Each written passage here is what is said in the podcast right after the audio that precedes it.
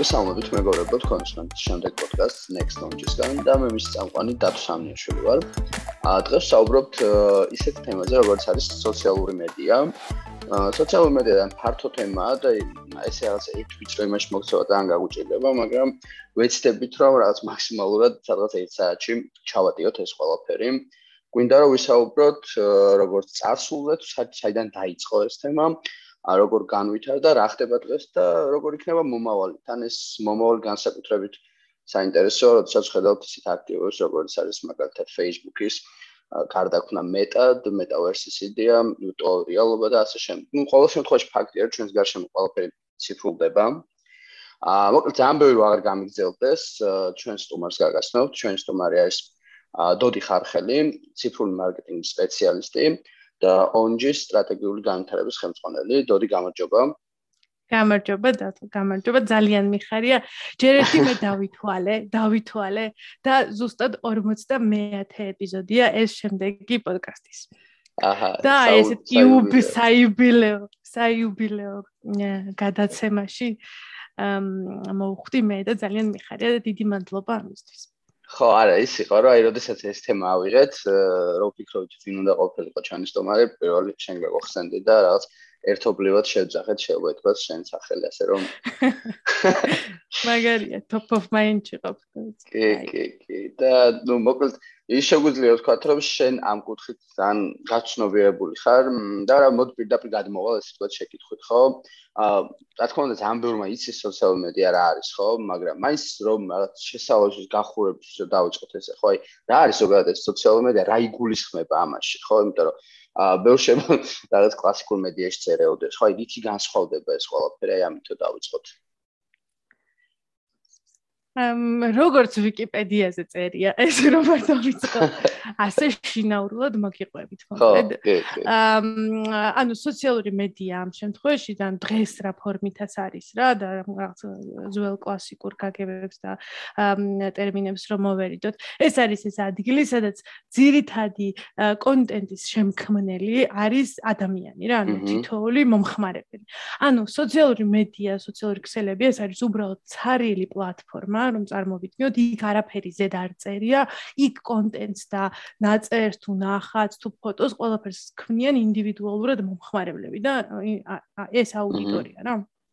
ხო, ანუ აა შესაბამისად ხო, ანუ როგორც მაგალითად თქვა ტრადიციულ მედიასთან განსხვავებით, აი ძალიან კარგი თვალსაჩინო მაგალითი სადაც შემოდის.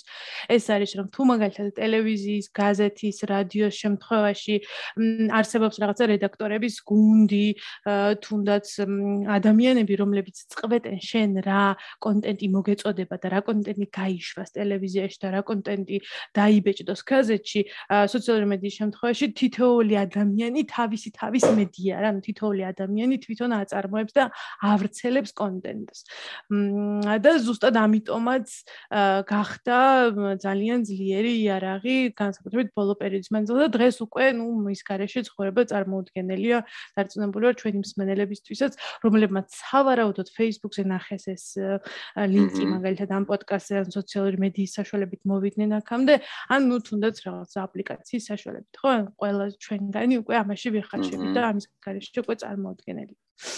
ხო, ну, ფაქტია, რომ როგორც მომხმარებელი ხარ, ესე ხარ წარმოებელი და ეს არის ალბათ მთავარი კეიჩი ეს და დამჭერი რაც გვიჭერს და გვიზიდავს, ხო, ამ სიუცეებში ყოველას და ფაქტის ახეზია ამ ხრივ, რაც ჩვენ თქვი გინდას რომ რო ავიღოთ, ხო და ისეც ესაც ადამიანი ხო სოციალური ცხოველია, ხო, რეალურად და ამან მოგცა საშუალება რომ ყოველას ყოველამ რაღაცა გამოვხატოთ ჩვენი აზრით, ხო? მე მგონია ერთ-ერთი ეგ არის მნიშვნელოვანი კიდე რომ ანუ აა ყოველას გვაქვს საშუალება რომ რაღაცა დავაფიქსიროთ. ყოველას ყავს თავისი მკითხველი, ხო, სოციალურ მედიაში მაგალითად. ხო, რამდენიც აი დაირხვა, კი, კი. დაირღვა, ანუ იმის გაგება ზოგადად და რაც გააკეთა სოციალურ მედიამ, რა არის ნიუსი და რა არა. თუ აი მაგალითად საინფორმაციო გადაცემაში ნიუსი რა უნდა იყოს და რა უნდა გავიდეს და რა არ უნდა გავიდეს წყვეტს რედაქტორი მაგალითად ხო ან მიმართულების ხელმძღვანელი ან რაც არის. ამ შემთხვევაში იქ ვერასდროს ვერ მოხვდება მაგალითად ვინმე ინფლუენსერმა რომ ბაფი გააჩინა ამის შესახებ ნიუსი ხო? მიუხედავად იმისა რომ რისი მიხედვით ვითვლით, ახლა რაოდენობრივად შეიძლება კიმ კარდაშიანის სიტყვაზე თქვა ორსულობა თუ რიჰანას ორსულობა ბევრად უფრო მეტი ადამიანისთვის არის საინტერესო ვიდრე ბადეში რაღაცა მეოთხე ნიუსი რაღაც მორიგი ბიბლიოთეკის გახსნის შესახებ რომელიც ეთერში ხდება მაგრამ რიჰანას ორსულობა არ ხდება რა. და აი ზუსტად ეს არის მნიშვნელოვანი აქ ამ შემთხვევაში სოციალურ მედიაში რომ ჯერ ერთი შენი წყვეტ რა არის შენთვის ნიუსი და რა არა და ყველასთვის ყველაფერი შეიძლება ნიუსად აღიქვა რა და ყველაფერი არის სიახლე და ყველაფრის გაზიარება შეიძლება ღირდეს რაღაცა გარკვეული აუდიტორიისთვის. და მეორე ხო ზუსტად ეს არის აუდიტორია გპოულობს შენ. და შენ პოულობს შენს აუდიტორიას.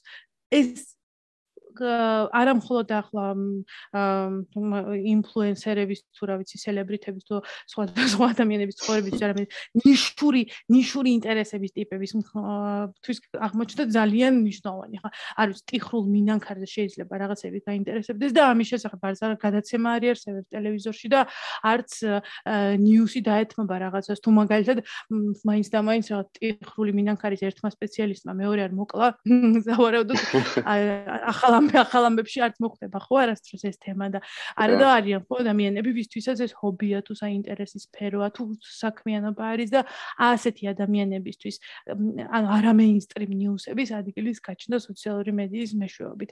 ნიშური და იმის მიხედვით მორგებული რა გაინტერესებს შენ ანუ on demand ამ შემთხვევაში. შენ შენ კი არ უნდა ჩართო იქ დროს მაგალითად კომპიუტერი თუ ტელევიზორი კომპიუტერი თუ რა ბრაუზერი გახსნა ზუსტად იმ წამს. ну, რა თქმა უნდა, ლაივის შესაძლებლობაც არის, მაგრამ ეს კიდე სხვა თემა. არამედ როდესაც შენთვის არის მოსახერხებელი. და შენ შეგიძლია აირჩიო ის კონტენტი და ის მოიხმარო ის კონტენტი, რომელიც შენთვის არის მოსახერხებელი. ან შენ აღარ გაქვს საშუალება როგორც მომხმარებელს, რომ იწუწუნო რომ ეს რა დებილობები გადის ტელევიზორში, მაგალითად. თუ შენს Facebook-ზე და შენს Twitter-ის feed-ზე თუ Instagram-ის feed-ზე დებილობები ხდება, შენ აირჩიე ეს. ეს ეს შენ შეიქმენ. შენ ტვინის ასხლეტილი ფორმებია რაღაც დონეზე შენს ეკრანზე ანუ ჩვენი აი როგორც იყო ესეთი გამოთქმა რომ მითხარი ვინ არის შენი მეგობარი და გეტყვი ვინ ხარ შენ? ო ამ შემთხვევაში რომ მაჩვენე შენი ფიდი და გეტყვი ვინ ხარ შენ? მაჩვენე ალგორითმი რას ფიქრობს შენზე და გეტყვი ვინ ხარ შენ? იმიტომ რომ ამ შემთხვევაში და ეს უკვე ცოტა აი ცოტა მე შეგვიძლია კიდევ ამაზე ვისაუბროთ ან საერთოდ ცალკე პოდკასტის თემას კი არის ფაქტიურად ალგორითმები და როგორ შეცვალა ამ ალგორითმებმა მთელი ეს როგორ მოვიხმართ ჩვენს ნიუს ამბებს თუ ინფორმაციას და არა მხოლოდ როგორ მოვიხმართ, არამედ ზოგადად უკვე რას ფიქრობთ და რა გავლენა აქვს ამას მასებზე, ესეც გახდა ერთ-ერთი ესეთი მნიშვნელოვანი ნაწილი ამ ყოლაფრისა და შემადგენელი. თუმცა ეს ყველაფერი ანუ ხო ბევრად უფრო მსუბუქ ფორმებში იწყებოდა, სანამ აქამდე მოვიდოდით. კი, კი, ეს ალგორითმების თემა თქმა უნდა ეგ უფრო ბოლოსკენ შეგვიძლია მაგაზე ვისაუბროთ, მაგრამ მანდ არის აი ეს მომენტი რა ძალიან მნიშვნელოვანი, რომ რაღაც კვლევებიც კი წამიკითხავს მე სხვა შევს მაგ თემაზე რომ ანუ რამდენად უფრო კარგად გიცნობენ გინდას ალგორითმები აი ამ სოციალურ მედიის კუთხით ვამბობ ვიდრე მაგალითად ჩვენი შეიძლება ნაცნობები იყვნენ მეგობრები და დაჟე ოჯახის წევრები რა ანუ ისინი უფრო რაღაც საკუთარი თავებიც კი ხანდახან და ზუსტად ზუსტად საკუთარი თავებიც კი ზუსტად რაღაცა ის არაცნობიერის და ცნობიერის რაღაც ერთმანეთში ნაზავის არის თითქოს იმის მიხედვით ხო რომ აი მაგალითად ეს გიგდებს ეს ნიუსფიდი ხო მაგალითად შედიხარ და გიგდებს იმას თუ რა მოგწონს ხო ის ხო პირდაპირ იმას რაღაცებს ალაიქებს შენ ასე შემდეგ რა სკროლ რაზე ჩერდები უფრო დიდხანს და რას უყურებს დიდხანს რომელ კონტენტს და ასე შემდეგ ანუ პირდაპირ იმაზე არის სეგმენტლა რა.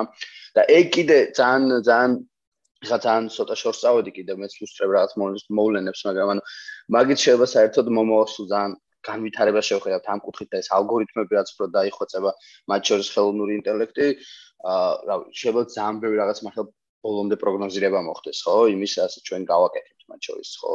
დღეს თუ ეს გვეუბნება სიტყვაზე რა მოგწონს, მომავალ შეიძლება პირდაპირ გითხრას რა მოგვეწონება მაგალითად. და უმეტეს შემთხვევაში იცის კიდევაც რა მოგვეწოდება და ეგ არის ანუ აი მთელი მაგია მოკლედ რაზეც დგას თქვა სოციალური მედია, სოციალური მედიას დღევანდელი სახე რა, ანუ რატომ შეინარჩუნა მაგალითად Facebook-მა სიძლიერე თქვა ამდენ ხანს და ახალი პლატფორმები რაც შემოდიან თუნდაც მაგალითად TikTok-ი რატომ არის ესეთი პოპულარული და სად არის მისი საიდუმლო? რა არის ზუსტად იმაში რომ იმას უკვე შეუძლია გარკვეულწილად გამოიცნოს შენ რა მოგეწონება შემდეგი კი და იმიტომ რომ დააკვირდა უკვე შენნაირ 1000 და 10000 და შეუძლია პრედიქცია გააკეთოს შემდეგი რა იქნება და ეს რას ნიშნავს? ეს პირდაპირ ფულში ითარგმნება ეს იმის ნიშნავს რომ იმან იცის შენ შემდეგი რისი ყიდვა დაგჭირდება. ანუ რა უნდა შემოგთავაზოს რეკლამაში რა.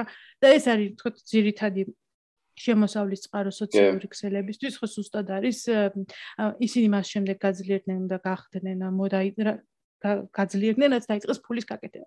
მაგალითად მას MySpace-ი ვერაფერ დიდ ფულს ვერ აკეთებდა. იქ არის ყოველთვის ეს სარეკლამო ეს და MySpace-ი ერთ-ერთი პირველი ან სულ პირველი არა, მაგრამ ერთი დარწმუნებული ვარ რომ იმ ხო იმ ბუმერებს რომლებიც გვისმენენ დარწმუნებული ვარ მახსოვრებად MySpace-ი და ერთ-ერთი პირველი იყო ხო ყოველ შემთხვევაში მაგალითად საქართველოსიც ასევე ერთ-ერთი პირველი და ნუ პოპულარული მეთქი რომ ამბობ ლაპარაკობ ძალიან პატარა პროცენტზე მოსახლეობისა რომ ინტერნეტს მოიხმარდა ფიზიკურად ხონდა ხო. ანუ ინტერნეტი ძალიან ძალიან დაბალი პენეტრაცია იყო საქართველოს ინტერნეტის მაგალითად და ძალიან ცოტა მოიხმარდა. და იმათ შორის ახლა კიდევ მე MySpace რამდენი მოიხმარდა. და ფულის ანუ როგორ აკეთებ მონეტიზაციას ხო? ანუ ამ შენი ქსელის რომ მე ისე განვითარებაში ჩა ჩადო და უფრო და უფრო მეტი ადამიანი მოიზიდო მას მე რაც დაიწყო მოკლედ ამის აქტიურად მონეტიზაცია და ახლა Facebook-ი არის ყველაზე მდიდარი მათ შორის. კიდევ და კიდევ უფრო მეტად გაძლიერდნენ რომ უფრო მეტად აინტერესებთ ადვერტაიზერებს უფრო მეტი ფული იდება ამაში. თუმცა მარტო ფულის არ ყოფილა საიდუმლო იმიტომ რომ ამის პარალელურად მაგალითად დარწმუნებული ვარ რომ ერთი ხუთჯერ მაინც დარეგისტრირებულ ხარ დათო შენს Google-ის ახალ სოციალურ ქსელზე. ანუ იყო ჯერ ბაზი, მე Google Plus-ი, მე ის, მე ეს არა იქ. ეს Google Plus-ი ძალიან დიდი იმედები იყო სხვათა შორის მახსოვს. ხო, იმიტომ რომ თითქოს რაღაცა ყველანი აქტიურად ხმობთ Gmail-ს, Drive-ს, YouTube-ს და თითქოს ლოგიკა ნუ რა თქმა უნდა საძიებო სისტემას და თითქოს ლოგიკურია რომ გაგზელება იყო, ხო? და უფრო ამ ამ საერთო ინტერფეისში, საერთო ქსელში იყო ჩართული, მაგრამ მაინც ვერასდროს ვერ მოახერხა ბევრი ფულის და ენერგიის ჩადების მიუხედავად Google-მა თავისი სოციალური ქსელი გაეხადა ისეთივე პოპულარული და აქტიური, როგორც Facebook-ი არის. და მასაც ზუსტად იგივე მიზნებით უნდა ამ სოციალური ქსელის თავისთან ქონა, რომ რაც შეიძლება მეტი დატა ჰქონდეს ადამიანების მიერ საკუთარი ნებით გაზიარებული რა. მას როგორ ძალიან დიდი დატა რა ხდება ვებგვერდებზე, სად დავდივართ, რას ვეძებთ, თუმცა არის დატა, რომელსაც ჩვენ ჩვენი ნებით ვაძლევთ სოციალურ ქსელებს, ყველაფერი ჩვენი ლოკაციის შესახებ, ჩვენი ფიქრების შესახებ, ჩვენი ინტერესების შესახებ, აი ეს არის ის ინფორმაცია, რომელსაც რომელსაც ყველა ამ შემთხვევაში ეს კომპანიები ნადირობენ იმისთვის, რომ ისევ და ისევ რაღაც მაქსიმალურად მოარგონ პროდუქტის განვითარება შემდეგ ამას. კი და ანუ ასე ფულს არ შოულობდა ის ვინ არ შოულობდა? ფულს. ფულს საერთოდ არ შოულობდნენ ფორუმები. გახსოვს ფორუმჯიზე ყოფილ ხარ აა ყოფილ ვარ მაგრამ არ ვიყავი აქტიური მომხმარებელი ანუ მე ძალიან აქტიური მომხმარებელი არა მე არა ეგეც იყო ფაქტი, აი თქვათ მთელი მსოფლიოს რომ თავი დავანებოთ, ახლა იქ თავისი ბევრი ქსელები და თქვათ მიუხედავად იმისა, რომ სოციალურ ქსელში ფორუმები არ მოიაზრება, გარკვეულწილად მაგალითად ფორუმჯი იყო რა, ახლა ჩვენ შემთხვევაში იყო სოციალური ქსელიც იყო და ყველაფერი იყო მაშინ. თელი ბაბლი მოდის მაკედან ხო ეს ფორუმჯიდან მე მე არ ვიყავი მაგ ბაბლში ოღონდ შე. ხა ხო მოდის? იმიტომ რომ ზუსტად ისევე ვქვათ რომ იმ დროს იმდენად ცოტა ადამიანი იყო ქართულ ინტერნეტში ამ შემთხვევაში და იმდენად ცოტა კონტენტი იქმნებოდა საერთოდ რა უნდა გიყეთებინა ინტერნეტში. ცუდად, ძალიან ცუდი კონექშენი იყო, ძალიან ნელა იტვირთებოდა ერთი სურათიც კი. აა ვიდეოებს ვერ უყურებდი ასე ხელგაშლად, როგორც ახლა შეგვიძლია რომ უყუროთ და დიდი არაფერი არ იყო გარდა იმისა, რომ ტექსტური ტექსტური კონტენტის მიღების საშუალება და ამისთვის იყო ყველაზე კარგი ადგილი ფორუმი თავისი და ფორუმები ზოგადად. რამდენიმე ფორუმი იყო, კიდევ რუსთავიორის ფორუმი იყო, კომუნა იყო რამდენიმე პოპულარული ფორმი არსებობდა. შენ რომელი წლიდან მოიხმარ ინტერნეტს, ანუ რომელი წლიდან? აუ, ინტერ. ძალიან ძველი? ხო, არ ვიცი, ალბათ 16, ალბათ 20 წელი. ანუ, როდესაც ხო, აი, როდესაც დაიწყო, დაიალა ფიროდესაც გაჩნდა, ხო, და მ როდესაც რავი დეჩემს პარავდი ხოლმე იმას ინტერნეტში შესასვლო პარადი. და ხო აი მაშინ იყო რა ხდებოდა მაშინ ქართულ ინტერნეტში. ფორუმია, ფორუმი იწყებდა არსებობას, იყო მირკი, რომელიც ასევე არ გადის სოციალურ არც ქსელში და არც სოციალურ მედიაში არის უბრალოდ ჩატის შესაძლებლობა, ან ფაქტიურად SMS-ების აქტიური გზავნა ერთმანეთთან. და რაღაც თითოეულო ვებგვერდი რა, რომელიც ასევე სრულიად text based იყო. და და ის იყო ზუსტად ის ადგილი, სადაც უცებ რაღაცნაირად გაიხსნა სამყარო, რომ შენ მხოლოდ შენს კლასელებს კი არ ელაპარაკები და მეზობლებს კი არ ელაპარაკები, არამედ მაგალითად მუსიკასთან დაკავშირებით შეიძლება უამრავ სხვა შენნაირად მოაზროვნე ადამიანს ესაუბრო. ან კულინარიასთან დაკავშირებით რეცეპტები გაცვალო თელს იმ ადამიანებთან, ვინც არიან შენთან ერთად ამ ფორუმზე, რა რაღაცა თემატურად დაალაგებული და რაღაც შენი ავატარი გაქვს, შენი ხელმოწერა გაქვს, შენი სტილი გაქვს, რაღაცა ემოჯები გაქვს, რომელიც გაქვს ამოჩემებული, ანუ რაღაცა შენს ხასიათს და სტილს იქაც იყალიბებ, რა. აა და ეს ბაბლი ეგრეთ წოდებული აქედან მოდის იმიტომ ეს არის ეს ადამიანები. ვინც ამდენი ხანია ინტერნეტში მეტნაკლებად და აქეთ იქ არიან და სხვადასხვა ფორმებს ცდილობენ. აი მაგალითად ფორუმის მეერე რაც იყო აა ტრენდული და აქტუალური და პოპულარული და საერთოდ საერთოდ დაიწყო მაგალითად ჩემ შემთხვევაში ჩემი კარიერას დავარქმევ ალბათ ამ შემთხვევაში. იყო ის რომ ბლოგების გაკეთების საშუალება გაჩნდა და ეს იყო ანუ WordPress.com-ი ვიპოვე WordPress-ზე ხო. მან მეც ვიყავი უკვე ეს ეს იყო რევოლუცია ჩემს თავში, რომ შემეძლო რაღაცები დამეწერა და გამომექვეყნებინა და ეს სხვა ადამიანებსაც წაეკითხათ. და ხომ იყო ამის შესაძლებლობა მაგალითად ფორუმზეც, ხო იქაც ხო წერდით და რაღაცებს, მაგრამ იქ მაინც, იქ იქ მაინც შენი თავი შენა არ გეყუდნის, ანუ არსებობს ადმინისტრატორი, ვისიც არის ეს ფორუმი, არსებობენ რაღაც მოდერატორები და შენი პოსტები მიუხედავად იმისა, რომ კი შეიძლება რაც გინდა ის დაფოსტო, მაინც გარკვეულწილად რაღაცა ცენზურას გადის. და იყო ამისი кейსი ისებიც რა სხვათა შორის ფორუმზე იყო ზუსტად როდესაც რაღაცა პრობლემური სიტუაცია ყოფილა მთავრობასთან დაკავშირებული იმ დროინდელთან თუ რაღაცა უსაფრთხოებასთან დაკავშირებული ან წაშლილ ან პრობლემები შექმნიათ ადამიანებს იმიტომ რომ მაინც რაღაცა ლოკალური ფორუმი ლოკალური რაღაცა სერვერი ლოკალური ადამიანი ვინც იყო ეს თქვა ადმინისტრატორი რომელზეც იოლად შეიძლება ზეგავლენის მოხდენა და WordPress-ი ამ სრულ თავისუფლებას გვაძლევდა. ახლა WordPress რომ იქა მთავარ შინაგან საქმეთა სამ მინისტრს რომ მიეწერა WordPress-ის დამფუძნებლისთვის. ეს გოგო რაღაცა ახათ არ გამაძეს დიდად რომ არ მევასებაო ხა რასაც წერსო და დაშალეთო თუ შეიძლება ეგეთი кейსი არ მოხდებოდა რა როგორც მაგალითად Facebook-ის შემთხვევაში არ ხდება ხო? მარკ ზუკერბერგს დიდად არ აინტერესებს ჩვენი შიდა დრამები. და ანუ აი ამ თავისუფლების შეგრძნება ძალიან მნიშვნელოვანი იყო. ჩემ მარტო ჩემც არა ბევრი ადამიანისთვის ახლა ვინც რაღაცა კონტენტს ქმნიდა და აქვეყნებდა. და ძალიან ბევრი ხალხი ნუ იმ იმ გაგებით, იმ დროის გაგებით ძალიან ბევრი ხალხი კითხულობდა ამ ბლოგებს.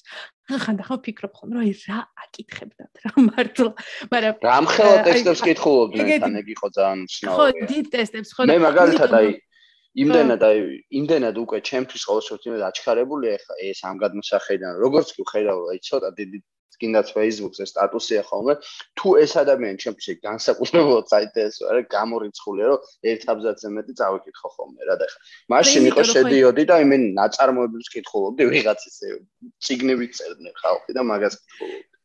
და იმიტომ რომ სხვანაირი კონტენტი არც იყო რა. ანუ ის რომ ჩვენ ახლა კარგი ხარისხის ვიდეოს გადაღება შეგვიძლია და LTE გვაქვს და სწრაფად შეგვიძლია ამ ვიდეოს ჩართვა კარგ ხარისხში მოხმარება ეს ხო ჩვენ ძალიან ვუთამამდებით და ვუნე განებივრებულები ვართ მალევე ეჩვევი ხო კარგს? აი ახლა ამას წიანთ რაღაცა ეს 4G თუ LTE მაქვს, ну არ დავასახელებ carriers და რაღაც მომენტში გამეთიშა და 3G-ზე გადავიდა რა და ან მე მეკონა რომ ტელეფონი გამიფუჭდა და გადასაგდები ან რაღაცა მე მეკონა რომ ჭირდა იმიტომ რომ ამ 3G-ზე ხო ცხოვრობდია რა და ძალიან კარგად ვარსებობდი იქამდე ეს და ანუ მე ამ უფრო სწრაფ და უფრო კარგ და უფრო უკეთესი ხარისხისას და ამართლა ამას რო ეჩვევი მე იქ რო ბრუნდები გგონია რომ აი ამ აქ როგორ ცხოვრობდი საერთოდ და მაშინაც ეგეთი სიტუაცია სხვა სხვა ტიპის კონტენტი არც არსებობდა მოსახმარად ან სხვა მართლა სხვა რა უნდა გეკეთებინა ინტერნეტში გარდა იმისა რომ გეწერა და გეკითხა. ის რომ მულტიმედია სტორითელინგი ანუ უკვე მე ფოტოების გაზიარება და ვიდეოები გვაინი იყო თუ YouTube-ი თუ რა ეს უკვე შემდეგ ნელ-ნელა მოყვება smartphone-ების განვითარებასა და გაიაფებას და ინტერნეტის განვითარებასა და ასევე გაიაფებას. ანუ ჩვენ დღესდღეობით ახლა სახლის ინტერნეტი იქნება თუ მობილური ინტერნეტი საკმაოდ იაფად, რადგან შეგვიძლია მას წვდომა გქონდეს ინტერნეტთან და არ ვითვლიდეთ იმას, ახლა ამ ერთი YouTube-ის ვიყურების ვიდეოს, ან ამ YouTube-ის ვიდეოს ვუყურებ და ან საღმას გრეჩი ხას შევჭამ თვის ბოლომდე ხელფასი, ეგ არჩევანი არ გვითქას რა, ну საკმაოდ ხელმისაწვდომია ხო ინტერნეტი და შესაბამისად ეს storytelling ეს visual storytelling ის რომ გართობის და პროკრასტინაციის ბევრი სხვადასხვა გზა და მეთოდი შემოვიდა უკვე და შეიძლება სერიალს უყურო Netflix უყურო თუ რაღაცა სხვა გააკეთო, გაერთო, გადაიღო ვიდეო ატვირთო, ესენი უკვე შედარებით უკვე მოგვიანებით მოსული სიკეთეებია რა. თავიდან იყო წერა და კითხვა. აა თუმცა მე მაგალითად მახსოვს რომ ჩემი გამოცდილებით WordPress-ზე სადღაც თუ არ მეშლება ალბათ 2009-ში დავრეგისტრირდი და დავიწყე რაღაც ბლოგი გავაკეთე და უწერდი ხოლმე რა და მაგ დროს უკვე იყო ახლა Facebook-იც იყო ყველაფერი მაგრამ მაინც ძალიან ეს იყო რა ანუ მაინც ძალიან აქტიური იყო ეს WordPress-ი და რავი ანუ ძალიან ბევრი ადამიანი იყო მაინც აქ უკვე Facebook-ზე ვაზიარებდი ხოლმე და მე Facebook-იდან გადმოდიოდა ვიღაცები მაინც ხო და აი ეხლა მაგალითად უბრალოდ ამ თემაზე ვსაუბრობ გამახსენდა რა და ეხლა არ ვიცი მართალი გითხრა რა ხდება ამ ფაი WordPress-ზე დემეც. საერთოდ ვინმე წერს კიდე არის აქტიურობა მაგხრივ კიდე თუ იცი შენ მე აღარ მოხს მაგას ჩამოვრჩი მაგ მოვლენებს. იცი რა ძალიან გაფაცისებული მაქვს ხოლმე თვალი და ვცდილობ რომ ვიპოვო რა კიდე ვიღაცები თუ წერენ იმიტომ რომ შიგადაში გდგება მაგის საჭიროება შიგადაში გარის მაგალითად რაღაცა ორგანიზაცია რომელსაც უნდა რომ აი თქვა ბლოგერი იპოვოს და გაავრცელოს რაღაცა თავის პარტნიორობა დაიწყოს მასთან და ასე შემდეგ. ბევრად უკვე აი არის რაღაცა ნიშური ბლოგები არსებობს და ეგ ლოგიკურიც იყო რომ ეგრე მოხდებოდა ხა. თან პირველი პირველი ტალღა WordPress-ის და ბლოგის მომხმარებლებისა და როგორც სოციალური მედიის და მაშინ ჯერ კიდევ სოციალურ მედიას არ ვეძახდით, იცი? ახალ მედიას ვეძახდით რა, ამას იად გამახსენდა. ეხა ახალი მედია აღარ არის ხანია და სოციალურ მედიაზე რაღაცა სახელი იყო მოსაფიქრებელი.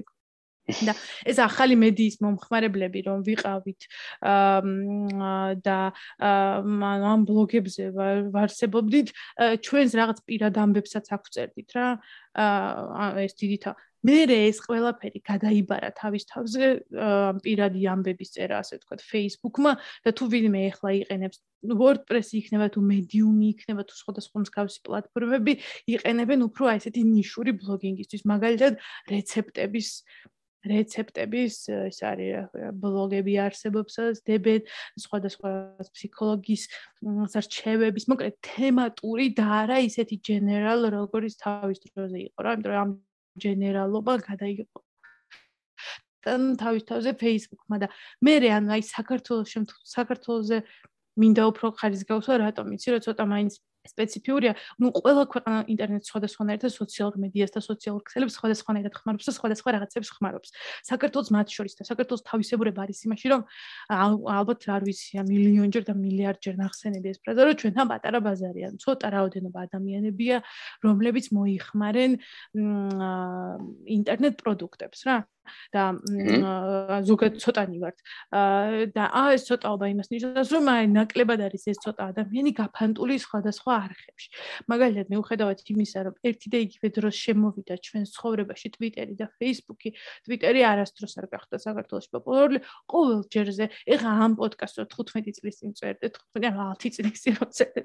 მე გეტყოდი, რომ აი შემდეგი უეჭველი იქნება, აი აქედან ყველანი წავალთ Twitter-ზე და ეგ არასდროს არ მოხდა და ჩემი ყველა ეგ პროგნოზიც არი იყო რომელსაც თავისი ლოგიკური რაღაცა მე რეაქცნები რო ქონდა ეხარ ეს დროს ეგონა რომ ის წავიდოდით Twitter-ზე ბოლო-ბოლო დარწმუნებული ვიყავი დარწმუნებული ვიყავი რომ გადავიდოდით და გარდა იმისა რომ დარწმუნებული ვიყავი, როდესაც Twitter-ი გამოჩნდა და Twitter-ი ბევრად უფრო უკეთესი იყო, მოხმარების თვალსაზრისით უფრო ღია იყო, მაგალითად search-ი შესაძლებელი იყო რა, ანუ ბევრი ბენეფიტი ჰქონდა Facebook-თან განსხვავებით, რომელიც უბრალოდ ფოტოებს დებდნენ ადამიანები თავიანთი შვილებისა და ერთმანეთს უმაშვებდით, ულაიქებდით.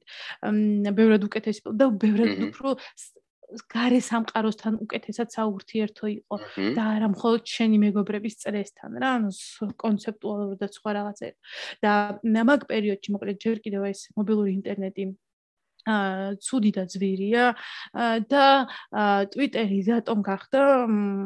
რატომ აკრიფა თავი და ტვიტერმა ხო და ეს 140 სიმბოლო რატო იყო? ის იყო SMS-ზე მიბმული. ანუ შენ არ გჭირდებოდა ტელეფონთან შენ არ გჭირდებოდა ინტერნეტთან თუ მაგ ქონოდა ან თუნდაც smartphone-ი ქონოდა იმისთვის რომ შენ რამე დაგეწერა ტვიტერზე ან მე იმისი პასუხები მიგეღო რა. ამ ეს ყველაფერი ხდებოდა რაღაც კონკრეტულ ნომერზე რაც ქონდა ტვიტერ შენ იმაზე და გაგზავნიდი რა მაგალითად შენს რა რაზეც ფიქრობდი იმ წამს, ანუ შენ ტვიტს და ის ქვეყნდებოდა შენს ეკაუნტს. თუ იქ ვინმე გიპასუხებდა, ისიც SMS-ად მოგდიოდა უკან. თუ შენთვის რომელიმე საინტერესო ეკაუნტი დაწერდა რაღაცას, ისიც მოგდიოდა SMS-ად უკან.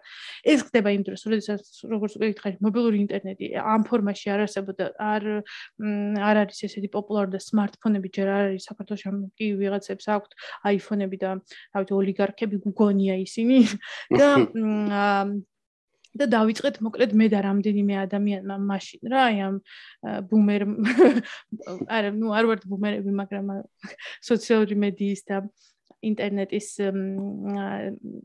ძველ ადამიანებმა ვიყავით ოდი უნდა შეგაწყვეტინო სმენელს აუცილებლად გაუჩნდება ხა ვინც არ გიცნობს რომელ წლიანია აუცილებლად გაუჩნდება შეგაწყვეტინო აა არა იცი რა კაი 86 წელს ვარ დაბადებული ან 36 წელს ეგეთი მოხუციც არ ვარ უბრალოდ ინტერნეტის ინტერნეტის თვალსაზრისით ანუ და მე არც ვარ ინტერნეტ ანუ ინტერნეტისში ტიმერე მოვიდა ჩემს ცხოვრებაში რა ვიდრე ხმა ჩემი შვილი ინტერნეტის აბორიგენი არსებობს, არსებობს, რაც დაიბადა, არსებობს.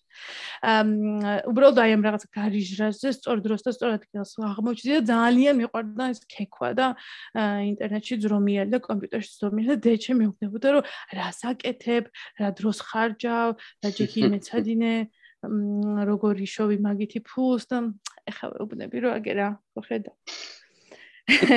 აი ეს ხო. თურმე რა სხვა გასწავლე. ხედა, დედა, რაში გამოვიდა? აა და ხო მოკლედ ის თქვა მინდა და ვიყავით რამდენიმე ან იმ მომენტში რაც კი სატელეფონო მაგთი იყო მაგ დროს ჯეოსელი იყო და ბილაინი იყო და სამივესთან მივედით ეს ჩვენი გულანთებული მე ინტერნეტები და ვეუბნებოდით რომ გამოეყოთ ნომერი ეს არ ხდება ხო კერიერის კარში გამოეყოთ ნომერი ეს რომელიც დაკონექტდებოდა ტვიტერთან რა. და სხვადასხვა შორის აი რაღაც ბევრი ლაპარაკის და იმ დროს ჯერ კიდევ არავინ არ იცის ან ტვიტერი რა არის და ან ჩვენ ვინ ვართ და ეს ხალხი საიდან მოვიდა.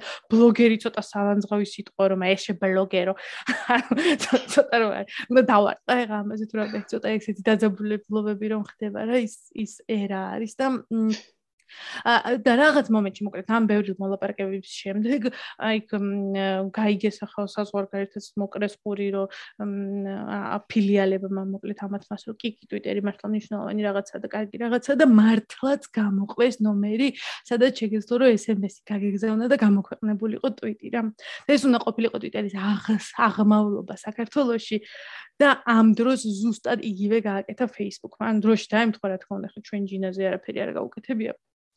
Facebook-ს, მაგრამ ზუსტად დაემთხვა დროში ეგ მომენტი, ანუ ის ნიშა რაც შეიძლება და Twitter-ს ქონოდა, ეგრევე ჩამოერთო და მე Facebook-ზე ისედაც გადავბარგდით და გადავბარგდით იმ თვალსაზრისით, რომ მაინც უფრო მოსახერხებელი იყო, ესე ყველა ყველა ერთ ადგილას იყო და ქართულად ჩხუბობდით ერთმანეთში, რომელიც რეგიონისთვის ასევე ცოტა ისეთია განსხვავებულია იმ მხრივ, რომ ამ ამდენს საკუთარი ნაზე არავინ ერთმანეთს არ ელაპარაკება და ჩვენ ერთმანეთთან ვარჩევს ჯერჯერობით რაღაცებს.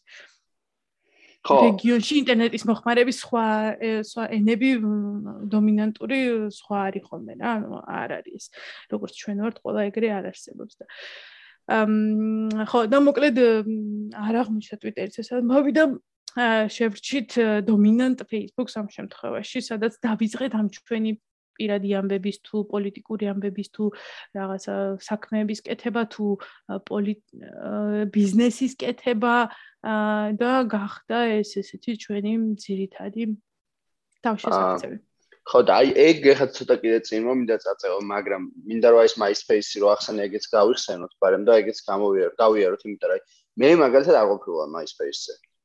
აა და მანდრა გამოსtildeება ქონდა აი საქართველოში მაგალითად თუ შეგიძლია აი ყოფილ ხარ შენ მან და ნუ რა ხდებოდა მანდ ვაფშე MySpace-ი რაღაც 2003 წინა შემოვიდა როგორც მახსოვს და რაღაც ძალიან ის იყო ხო? ნუ პოპულარული იყო თავისთვის და მე Facebook-მა უცებ უცებ დაჭრდილა ძალიან და ეს გარდა გარდა MySpace-ი არ არის MySpace-ი აა MySpace-ი არ იყო სივრცეები სადაც ერთმანეთს ადამიანები ეჭხუბებოდნენ მართლა?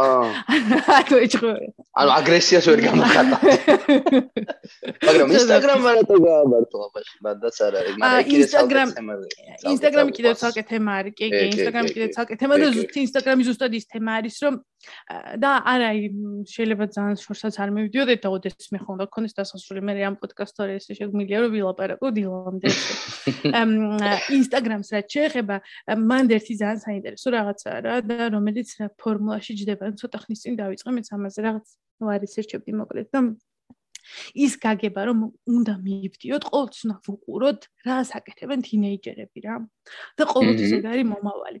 ეს მომავალზე გადავხდი მაგრამ მაინც ძალიან მინდა აუ TikTok-ი მაშინ რაღაც არ მომწონს ეგეთ მომავალი ნახე Facebook-ი Facebook-ი იყო კოლეჯის კოლეჯის ნეტვორკი ხო? კოლეჯის თინეიჯერები ერთმანეთში რაღაცებს ფოჩიალობდნენ გაიზარდნენ ეს თინეიჯერები, გახდნენ სერიოზული ადამიანები და იმ დროინდელმა თინეიჯერებმა ეგრევე დაკარგეს მე მაგაში ინტერესი და გადაბარგდნენ ინსტაგრამზე. მე ინსტაგრამი გახდა ეგ ადგილი.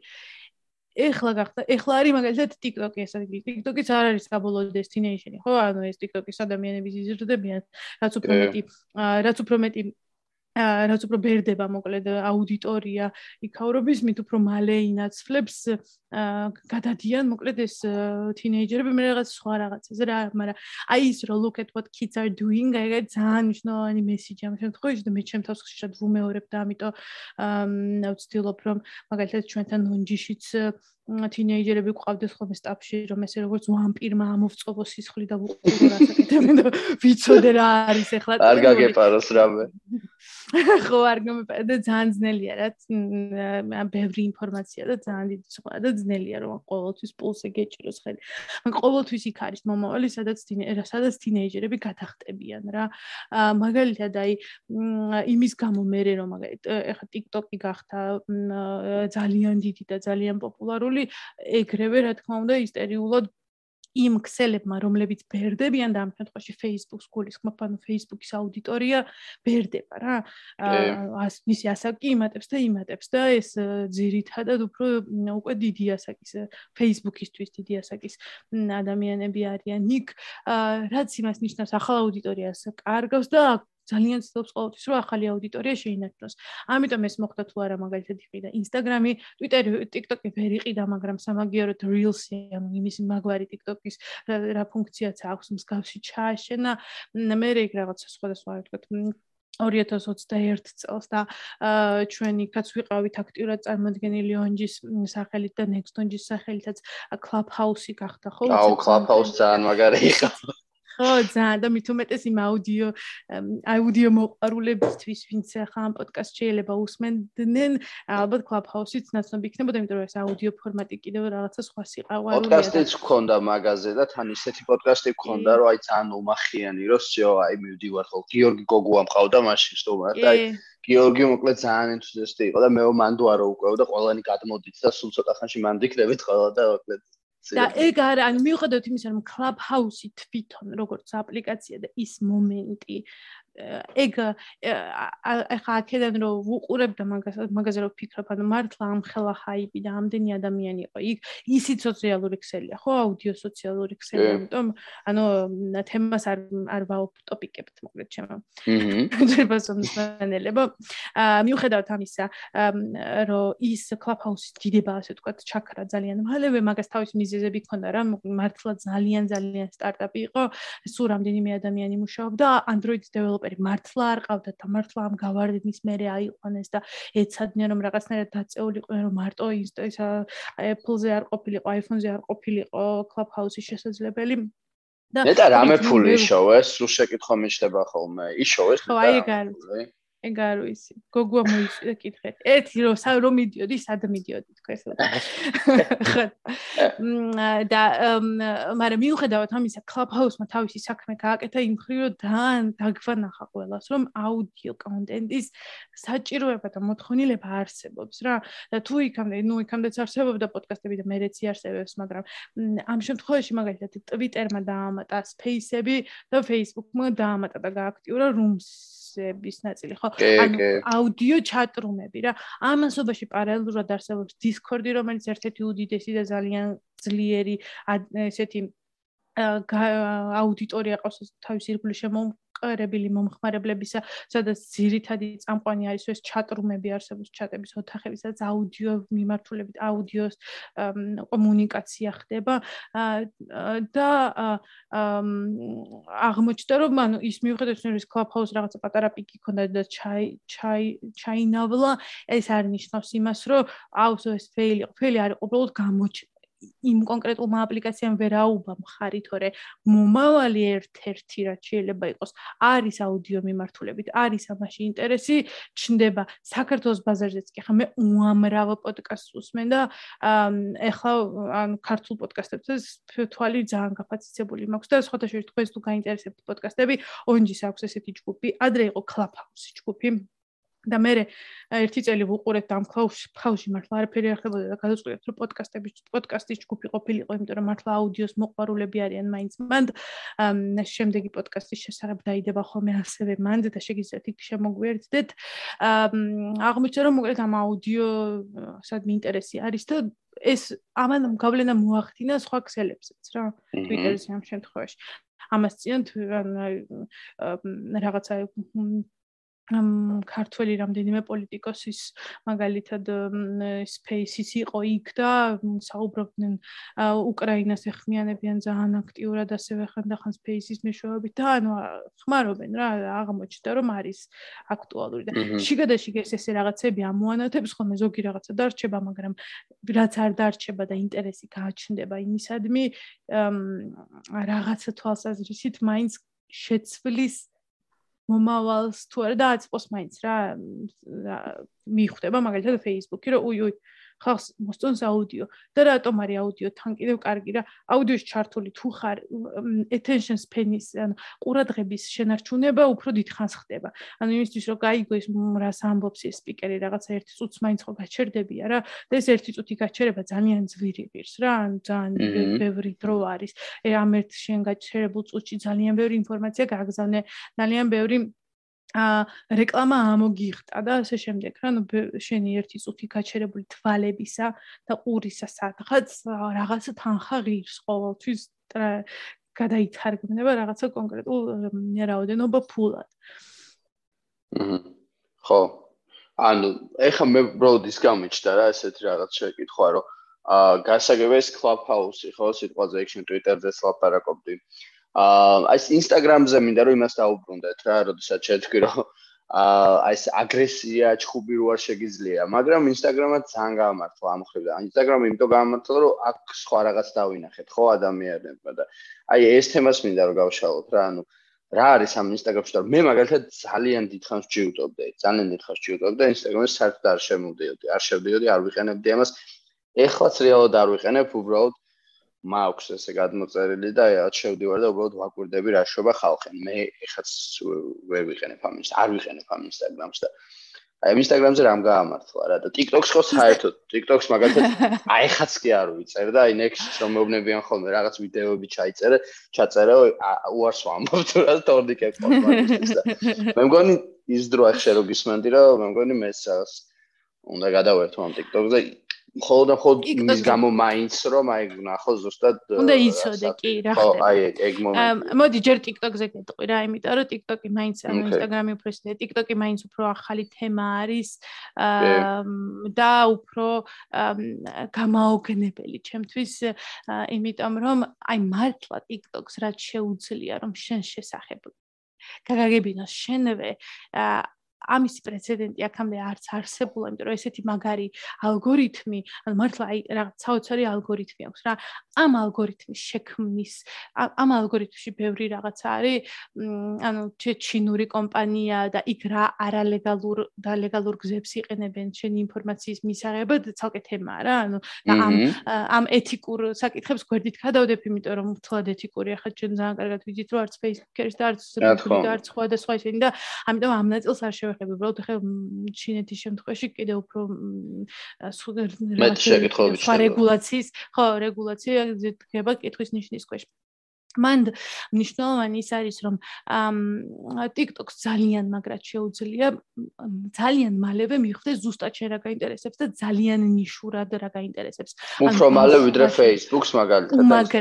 ძალიან ძალიან მალე.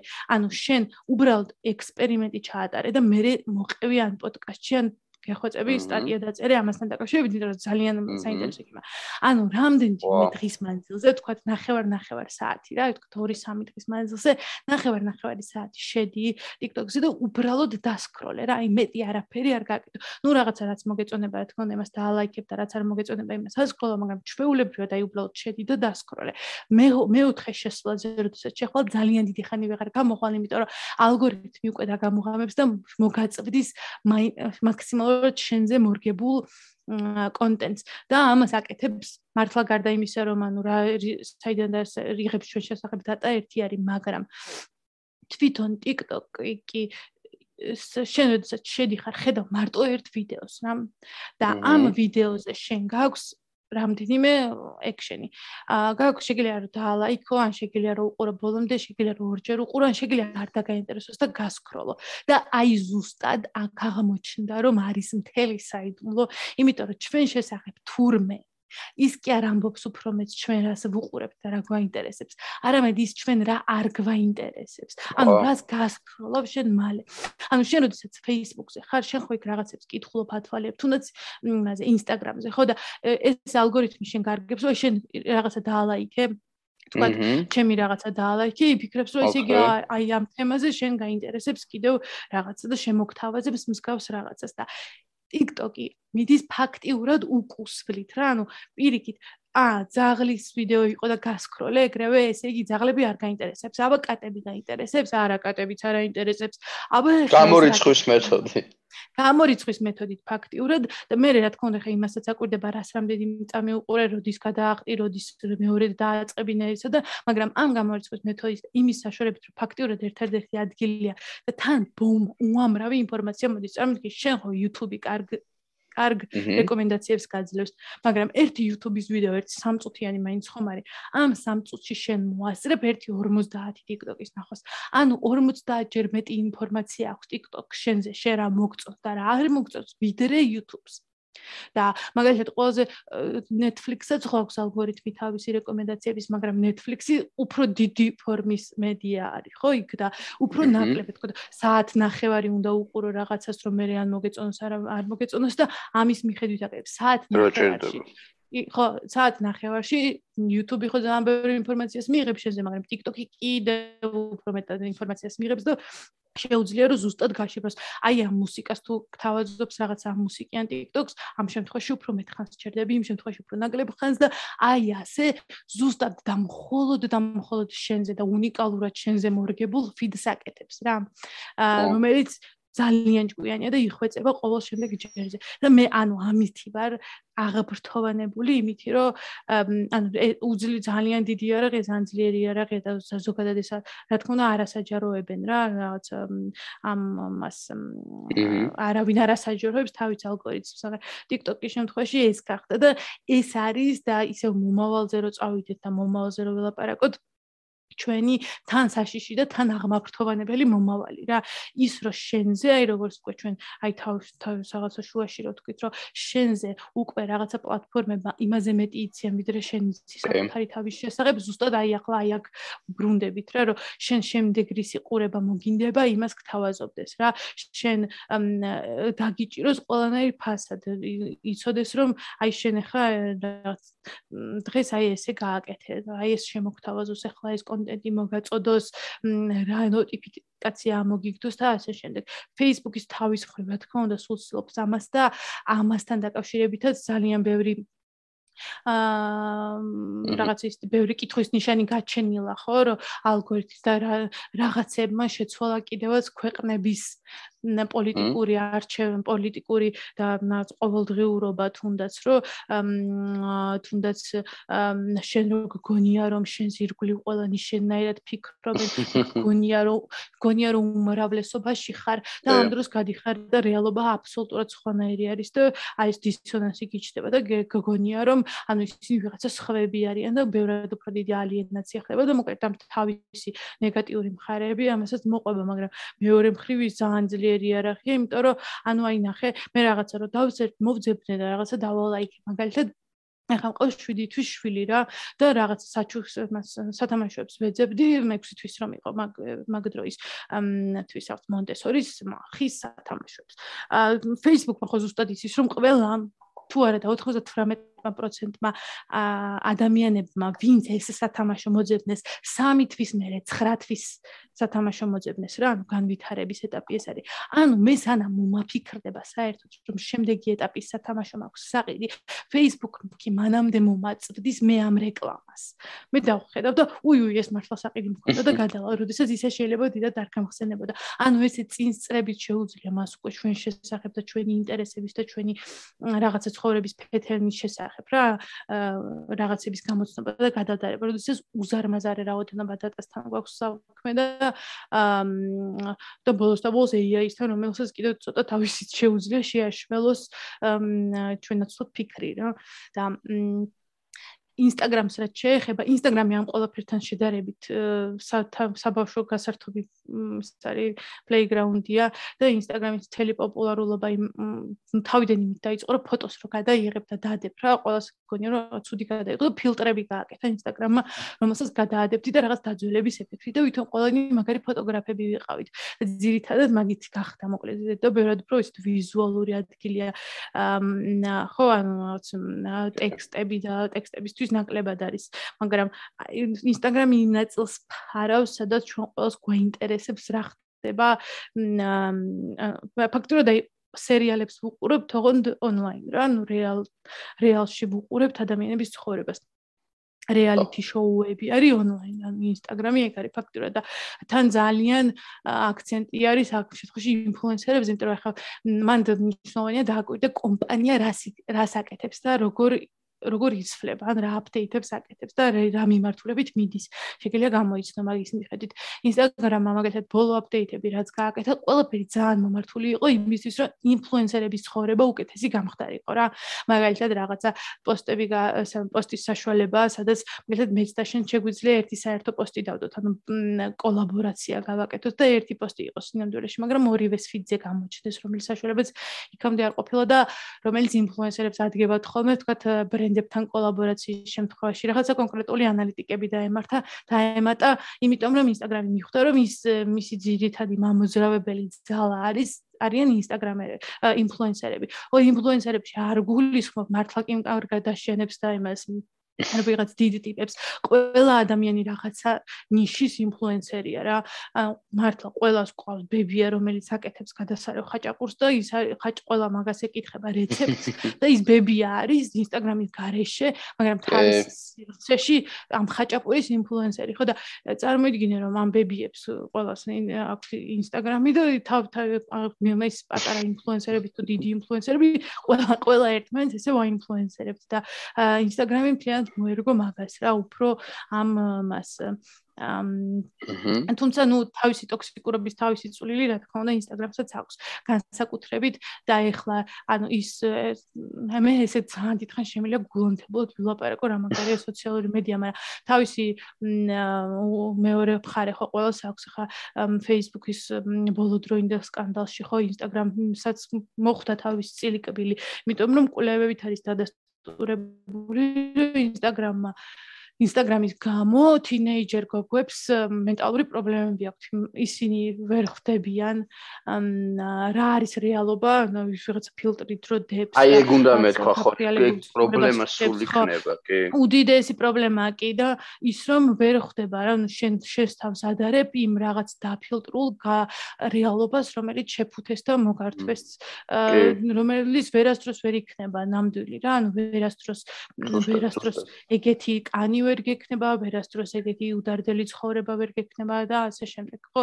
და ეს ეს არის ის რაც იწევს ახლა ადამიანებს და ამის გამოც რაღაცები ამაზეც მე რეიჩება, მაგალითად ეხლა თუ ფილტრით იდება რაღაც თორი, ხო? იმას აუცილებლად ზემოდან ეწერება, რომ ეს ფილტრით არის გაკეთებული. ტექნიკურად ახლა რაღაც რა თქმა უნდა მაგისგან თავის დაღწევა შესაძლებელია, მაგრამ კომპანია ცდილობს აჩვენოს, რომ რაღაც ნაბიჯებს ამის წინააღმდეგ დგამს.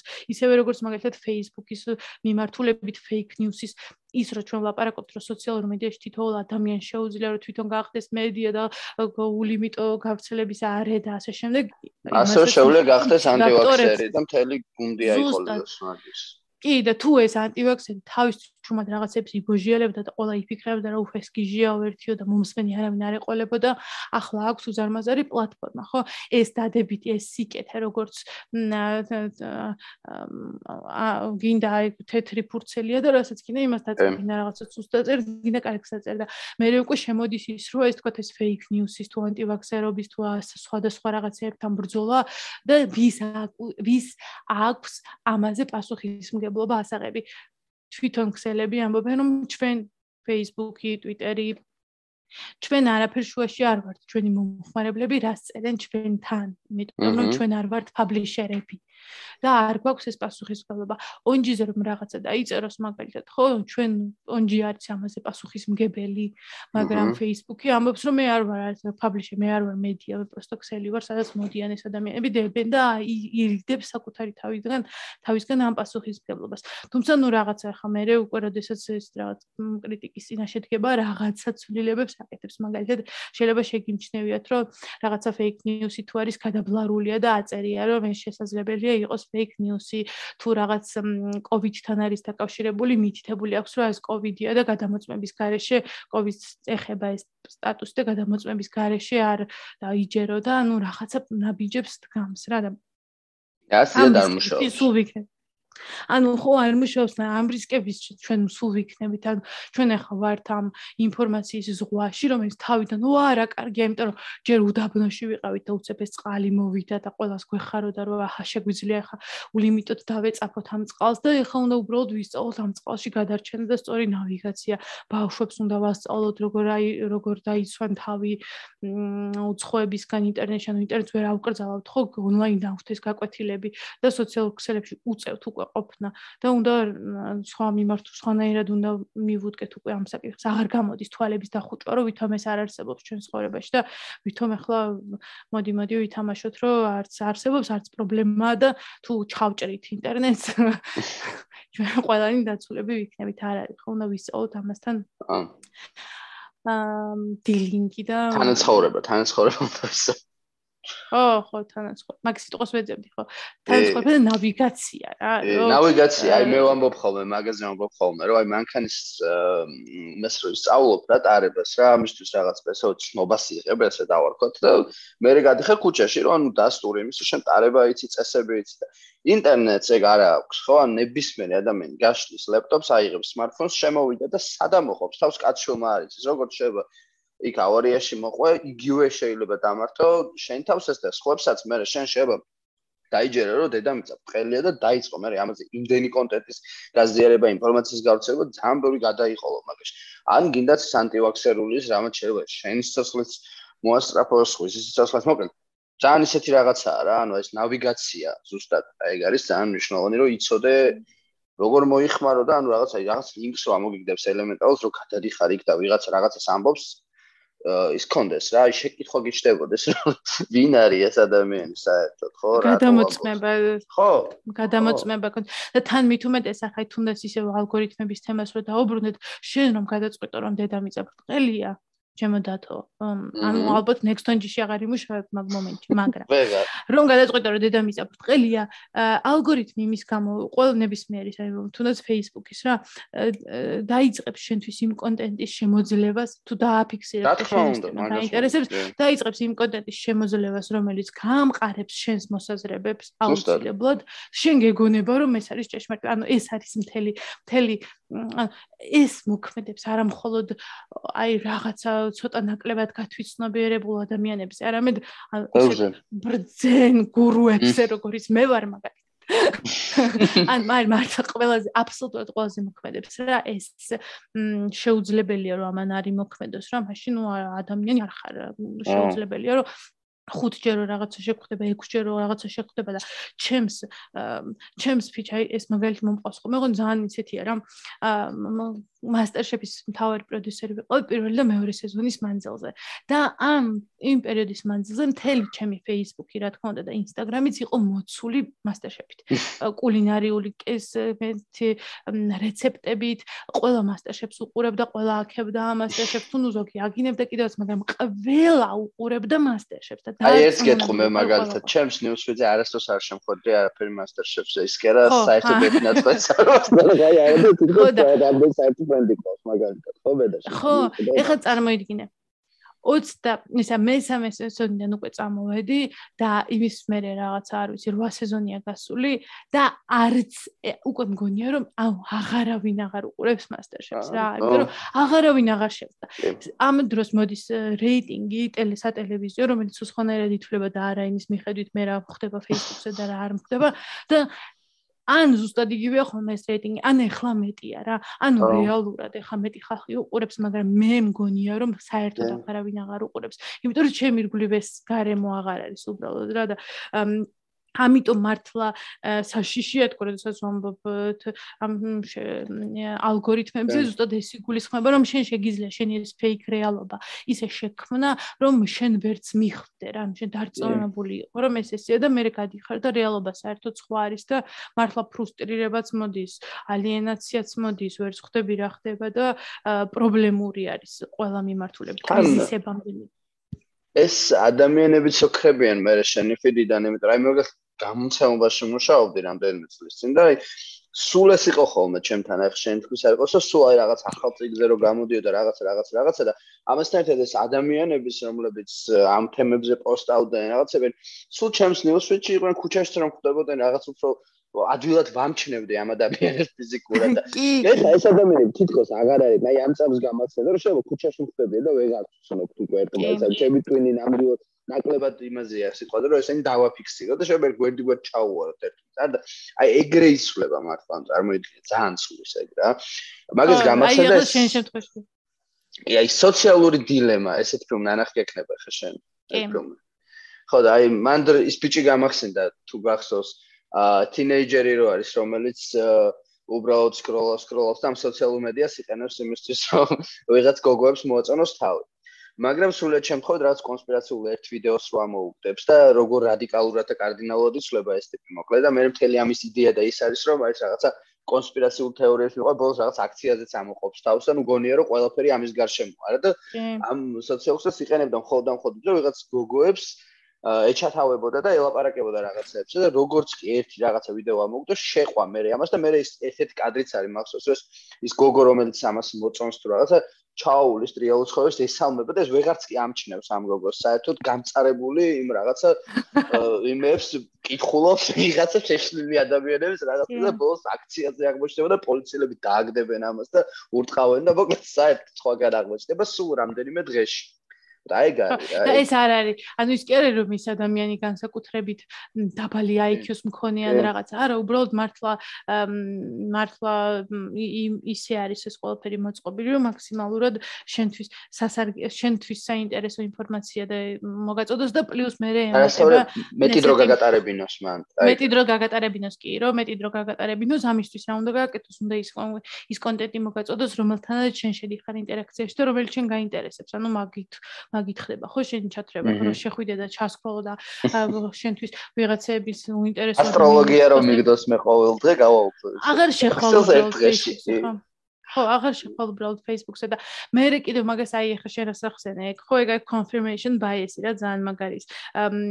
რო ანუ მე მართლა შემჩნევას იწყებ რა, ამ რაღაცა დეტალების, რაღაცეების, რასაც იქამდე არ აღშვიდები, იქ თუ შეგხვდა მე სხვაგანაც აფიქსირებ მაგას რა.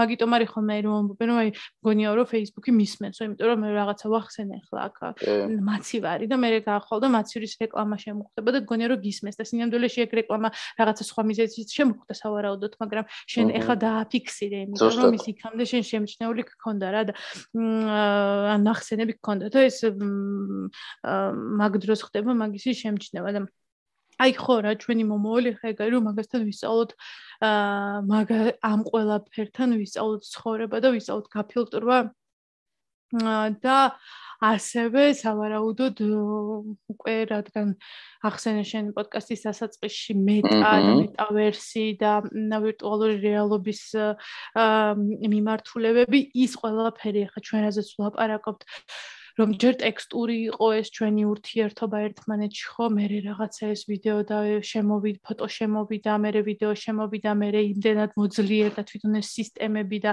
ინტერნეტის სიჩქარე რომ უკვე შეგვიძლია რომ მე და შენ არ ვიჭდეთ ახლა ერთ ოთახში ცალსაკეს ჩვენ ჩვენ სახლებში ვართ და შეუფერხებლად გადმოიცემა და აუდიო ხო? და აუდიოს თვალსაზრისითაც. და შემდეგი ნაბიჯი რა არის ხო? შემდეგი ნუ ვიდეო რა თქმა უნდა შენ ვიდეო ზარები და შემდეგი ნაბიჯია უკვე ის რომ ჩვენ სიმულაციურ რეალობაში ვისხდეთ ახლა გვერდი გვერდ კაფეში და ვსაუბრობდეთ. ამ ამ შემთხვევაში არც იქ ვირტუალური რეალობის device-ის დამაგრები თუ რაღაც ოკულუსი იქნება თუ რაც იქნება და სუსტად ეს არის, რასაც მაგალითად მეტა ამბობს რომ ეს არის ჩვენი მომავალი, ეს ესეთი იქნება რა, რომ ჩვენ უკვე ამ სივრცეებს შევქმნით ამ ალტერნატიულ რეალობაში, სადაც ჩვენ შეგვეძლება რომ შევიდეთ და ვისხდეთ და ისევე ურთიერთოთ ადამიანებს გვერდი გვერდი და არა მხოლოდ ჩატით, არა მხოლოდ აუდიო თვალსაზრისით, არამედ უფრო ვიზუალურადაც და უფრო უფრო რაღაც რეალურად ოღონდ ბრჭყალებში. ხო, აი შენ ხო. ხო.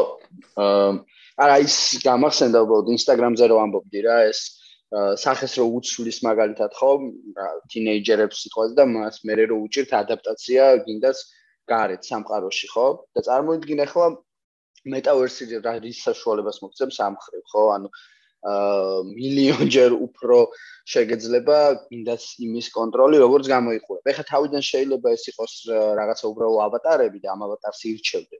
მაგრამ მომავალში ეს ტექნოლოგიები რო განვითარდება, მათ შორის ამ შენ ვიზუალით საერთოდ შეგიძლია, ანუ ამ სიმულაციაში შეგეძლება ყველაფერი გააკეთო. არა მარტო სტორით პოზიციონირდე პირობითად, არამედ როგორც თქვი, შეხვდე კაფეში ვისაუბროთ, მაგალითად, წავიდე სადღაც ვიღაცის პაემან დაუნიშნო მაგალითად არა ვიცი ალბათ მომავალში სექსუალური ურთიერთობები შეიძლება ხო უფრო კომპლექსური კონდეთ წარმოიდგინე და ეხა შენ ამ ყველაფრის მერე როდესაც ესეც სამყაროში ხარ შეგიძლია შენი ვიზუალიც აკონტროლო.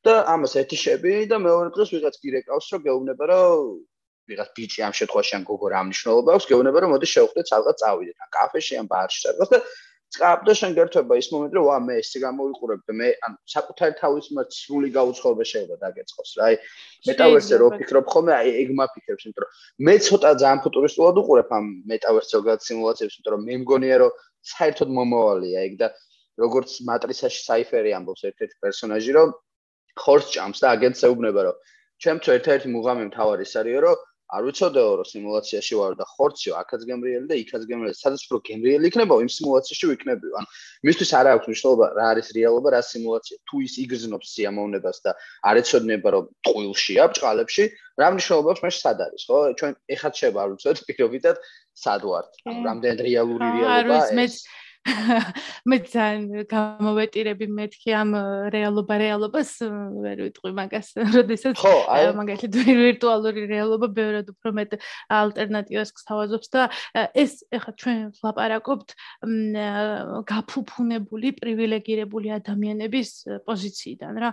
წარმოიდგინე შემოპირები ადამიანები რომლებიც მაგალითად ვერ მოძრაობენ ფიზიკურად ადამიანები რომლებსაც რაღაცა პრობლემა აქვთ რაღაცა დაწყებული მენტალური პრობლემა პრობლემები და social anxiety იქნება თუ თუ გაგზელებული ფიზიკური პრობლემებისაც ფიზიკურად შეუძლია მათთვის. ეს ხო აი უზარმაზარი იმ ხელა შესაძლებლობების გახსნა არის, რომელსაც ჩვენ ამ ადამიანებს რეალურ სამყაროში ვერ ვთავაზობთ. ფაქტია, რომ პანდუსები ვერ გაგვიკეთებიან ქალაქში და რა. და იქ დროდესაც იქ შეუძლია იფრინოს რა და რატომაც არ უნდა იფრინოს. რა რატომაც არა და მე ჩვენ ამ შემთხვევაში უკვე ჩვენი ადაპტაცია და ეს ნავიგაცია ჩემი აზრით რა მიმართულებითაც უნდა ხდებოდეს. არის არა ის რომ აი ჩვენ ამ თინეიჯერ გოგოებს თუნდაც თუ არის იგი ინსტაგრამის კვლევიდან გამოდივარ უმტკიცოთ რომ არა ეს ანუ რაღაც ავუკრძალოთ ინსტაგრამის ქონა ან თავაგონოთ რაღაცები უბრალოდ უნდა გავაგებინოთ რომ ეს ის ფილტრიანი ადამიანებიც ის მათი ავატარია. მე რას ვირჩევ ონლაინ რას დავდებ ეს ჩემი ავატარია რა შემიძლია რომ რაღაც მართლა დავიდო ფილტრი და ხა შენზე თუ ეს ცუდ გავლენას ახდენს, მესმის ცუდ გავლენას ახდენს, მაგრამ უნდა ვისწავლოთ ამასთან ურთიერთობა, ერთ ამას ამისადმი უნდა გავძლიერდეთ რა და მეტავერსზე როდესაც ვფიქრობ და ვლაპარაკობთ, ანუ რატომაც არა რომ მე ხავ მისდარიყავით კაფეში და მთელი სახე ტატუებით მქონდა და მოხატული და მე რაღაცა. ანუ აი როდესაც შეგვიძლია თქვა თუნდაც გარეგნობის თვალსაზრისით ესეთი ალტერაციები გავაკეთოთ, ნაც მინიმალური აა მითი რა და ჩვენ უნდა გავაძლიეროთ ერთმანეთი თუ ჩვენი რა ვიცი შვილები თუ ირგვლივ მყოფები იმით რომ ამან ჩვენი quality of life-ის ხოვრების ხარ ხარისხი და მენტალური ჯანმრთელობა არ გააუარესოს, რომ როგორ უნდა შეუძლოთ, რომ ეს იყოს შეულებრივ ეს იყოს ნორმა და შენ თუ ვიღაცა ვიღაცას გაპრიალებულ კანს ხედავ იმაში ან რაღაცა ძალიან წარმატებულ რავი ახტაზე არის და გინდა რომ შენს გქონდეს ის ახტა ეს არ იყოს შენთვის დამანგრეველი რა მენტალურად არამედ რა უყურებდე როგორც მართლა როგორც ალტერნატიულ რეალობას როგორც იმის ქარაქტერს რომელსაც თამაშობს ამ თამაშში რასაც ნუ რაღაც პრინციპი და მე აი რომ ვამბობ ხოლმე რომ აი ხო ონლაინ ყველა რაღაცა იმიც ვიყენებ და ვიკეთებ. რომ რეალურ ცხოვრებაში არ ვიკეთებთ რო ანუ აი რა რითი განსხვავდება ახლა ეს და მე ეგეთი კითხვაა რომ აი სამსახურში სიარული რო შეგეძლოს პიჟამოებით სიტყვას არ არ ვლიდი პიჟამოებით? მე ვივლიდი დიდი სიამოვნებით ანუ ესე იგი მე გარეთ მე ესე იგი თამაშობ ხო რეალურ სამყაროში ვიცხებ რაღაცებს და გავდივარ გარეთ როდესაც რომ არ იყოს ეს ეს მოთხოვნა თუ მოლოდინი საზოგადოებისგან ამას არ იზამდი ხო და შესაბამისად ეს ალტერნატიული რეალობა და ვირტუალური რეალობა ერთი არის მაგრამ რეალური რეალური რეალური რეალობაც კარგად ვირტუალურია. და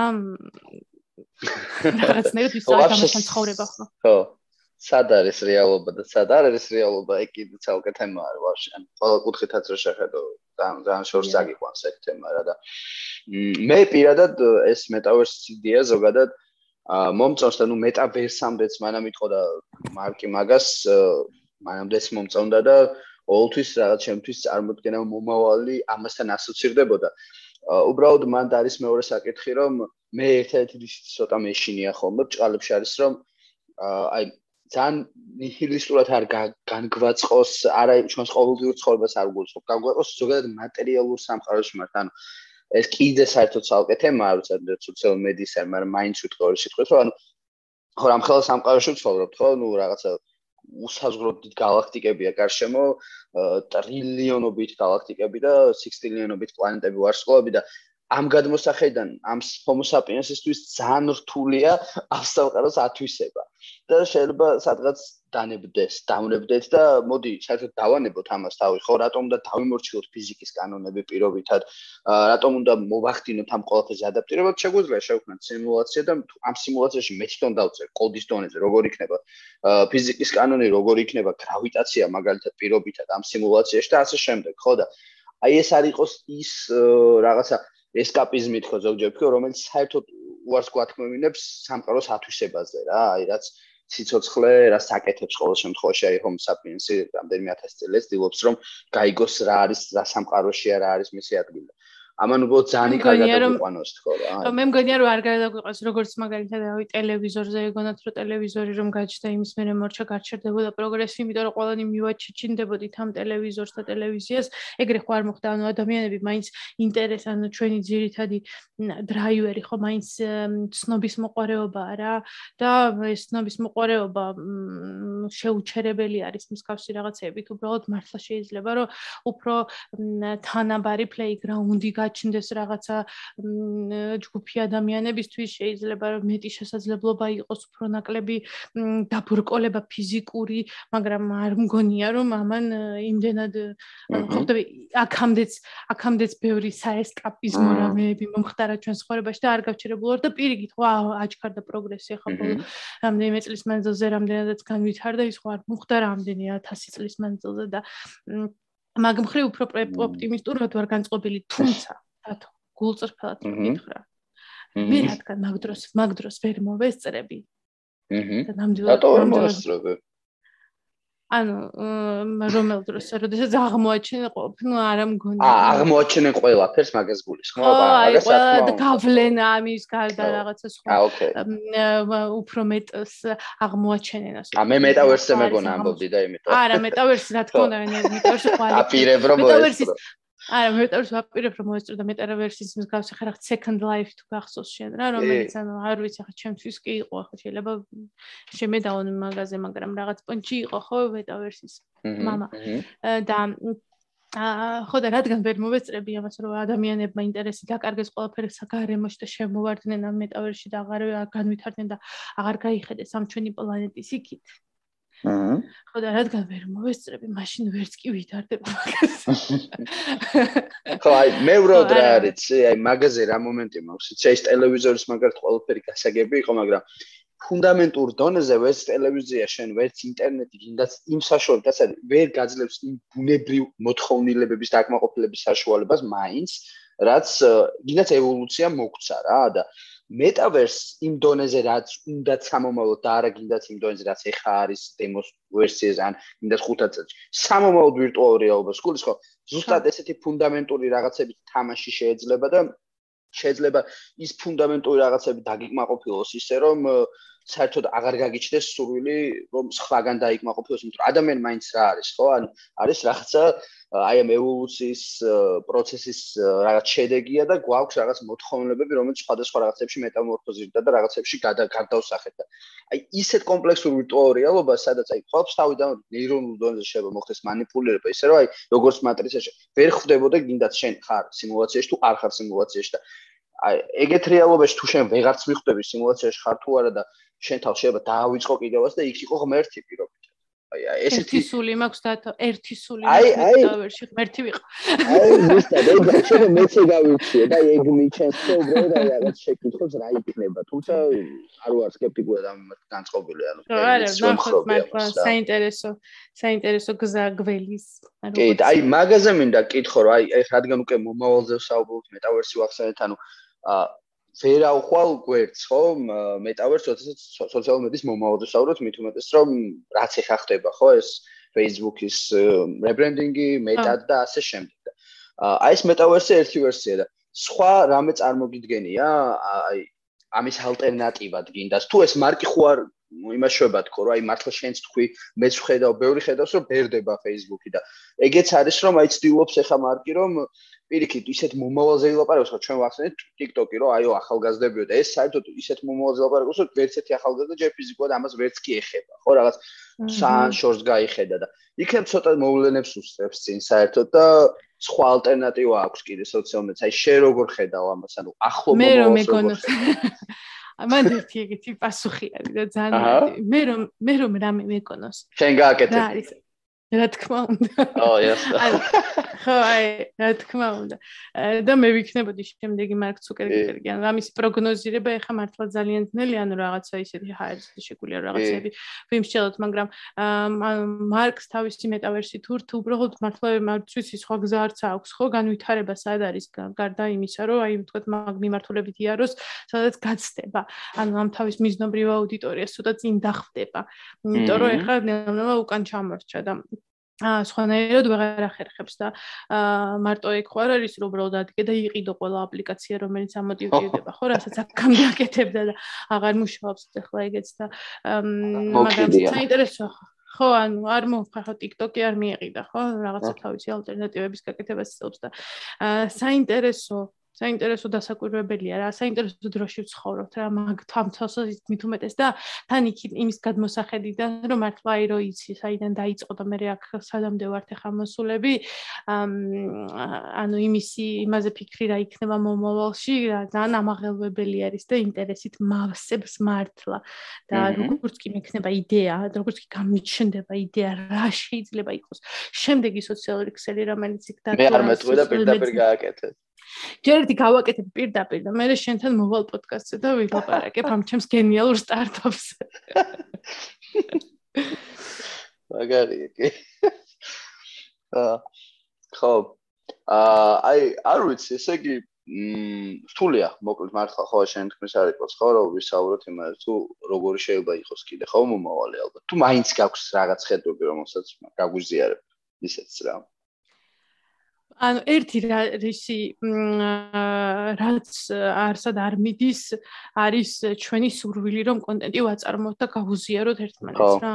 და ამასთან დაკავშირებით აი თქვა აი ეს კონტენტის ფორმები და ფორმატები რა არის და როგორი არის მე ესენი იცვლება ნელ-ნელა რა. და რომელი პლატფორმიდან ვდგავართ და გავყვირით სივრცეს და სად სად უპოულობთ ადამიანებს რომლებიც ჩვენნაირად საუბრობენ და ლაპარაკობენ ან რა ვიცი სხვა სხვანაირად და იმად ვეჭუბებით მე რა. მაინც ყველაფერი სოციალურ მედიაში რაც არის, ხო, მაინც ურთიერთობის ირგვლივ ტრიალებს რა, ანუ ადამიანებს შორის ურთიერთობის ირგვლივ და აი ეს ურთიერთობის ფორმატები, ფორმები მართლა ტიპები, აი ეს არის მე უკვე ცვლადი და აა ეგეც ნახავ, ნახოთ სად მიგვიყვანს. აქედან და აქედან დაიბადა მე ვთქვა ტინდერიდან დაწყებული ყველა ყველაფერი ხო რა ვიცი სხვადასხვა ინტერესების და რა ვიცი Reddit-ი რომელიც მუდამ იყო და აი არსებობს პრინციპში და სადაც ასევე აი თქვა იცი რა არის საინტერესო ა გამახსენდა ხარ ისი თქმას მინდოდა კიდევ. ანუ რა მოკლედ ინტერნეტის ამ გარიჟრაზე ანონიმურობა იყო ერთ-ერთი მნიშვნელოვანი ფაქტორი. რა თქვა ამ ფორუმშიც ხო რაღაც ყოველს თავისი ნიკი ქონდა ამ ყველგან შეიძლება შენი ნიკით დარეგისტრირებულიყავი არა მხოლოდ ქართულ არამედ ზოგადად ისედაც და მე რა თქვა მე შემოვიდა თქვა Facebook-ის და სხვა სოციალური ქსელები სადაც სახელი და გვარი გახდა მნიშვნელოვანი. სახელის და გვარის ქონა იდენტიფიკაცია ადამიანისა, ვინ დგას იმის უკან. ეხლა რაღაცნაირად ისე თუ დააკვირდები რაღაცნაირად ისევ უფრო ტრენდული ასე ვთქვათ ხდება მაინც უფრო ანონიმურობისკენ წაღება რა. თავის დროზე მაგეთი აპლიკაცია იყო მაგალითად საერთოდნელზეც დავიწყე მაგაზე ფიქრი secret ერქვა თუ არ ვცდები ხო? აი რაღაცას ანონიმურად პოსტავდი შენი რაღაცა ამბების შესახებ.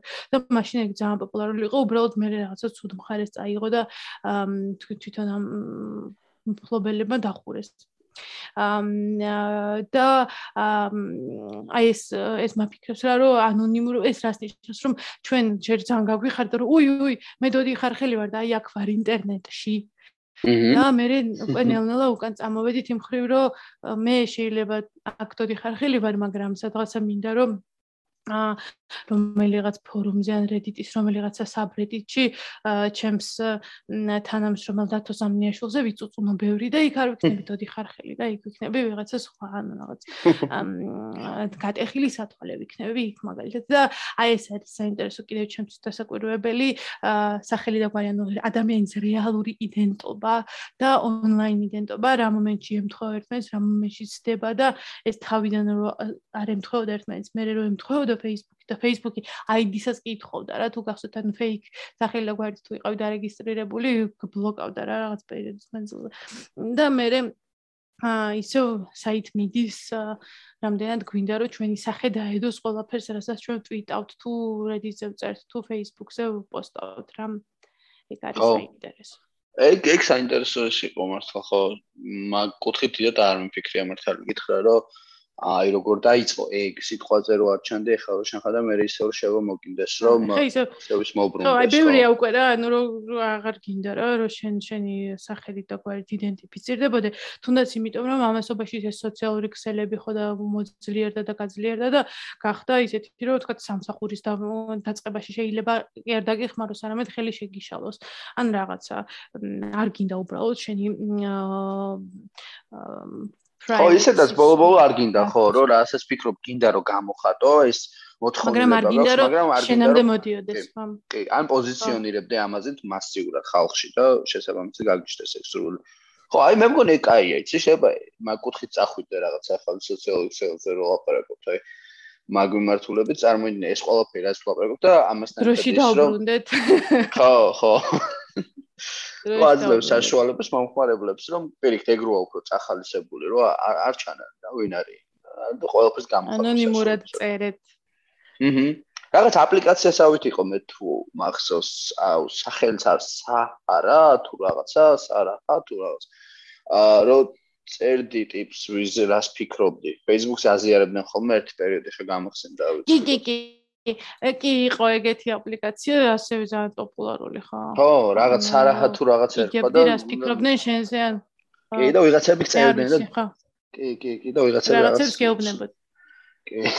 და ვერ ძალიან ბევრი ამას აზიარებდნენ. მე ხო, მე ვერ ხვდები.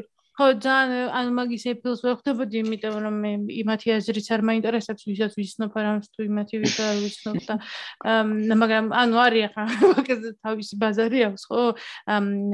და ეგეც მესმის ახლა ყველა ერთმანეთს რაღაცებს ულავ უგულავთ და ვცდილობთ რომ კეთილგანწყობილები იყოს და ადამიანებს აინტერესებთ. ხოლმე მათ შესახებ სინამდვილეში რას ფიქრობს ყველა? ეს ინტერესებს ეგ ეგ ძალიან წარმტაცი რაღაცაა წარმოიდგინე ყველა საინტერესებს რას ფიქრობენ შენ შენზე შენ ზუგს უკან ხო ხო რო რაბა და ეგეთ სოციალურ ქსელი ხარ გავაკეთოთ წარმოიდგინე ანუ აი ეგ შეთხარ და შენ შეგიძლია არა არა შენი ის შექმნა პირობით მაგრამ ან მაგას გიჩივლებენ ბოლო-ბოლო აი რომ შემეძოს რომ მე დოდის ის გავაკეთო რა დოდის აკაუნტს გავაკეთო და ეს საჯარო დოდი იქ შემოდიან და ყველა შეგვიძლია დავფიქსიროთ შენზე ფიქრობ რა რევიუები დავუწეროთ დოდის ხო ხო ხო იელპზე შესაძლებელი. ხო ყველამ დაწეროს იელპზე დოდის რევი ეს მე ეს კარგად ჩამოვყალიბე და შენ ხო აქ სტარტაპერებთან და ინვესტორებთან საკეთებ ხოლმე პოდკასტს და შემდეგ პოდკასტში დაუფიჩე რა შემდეგ პოდკასტში ყველა დაგვიფინანსო. იქ დაფინანსება ავიღო ხო. რაც ხაი კი რაღაცა გამო.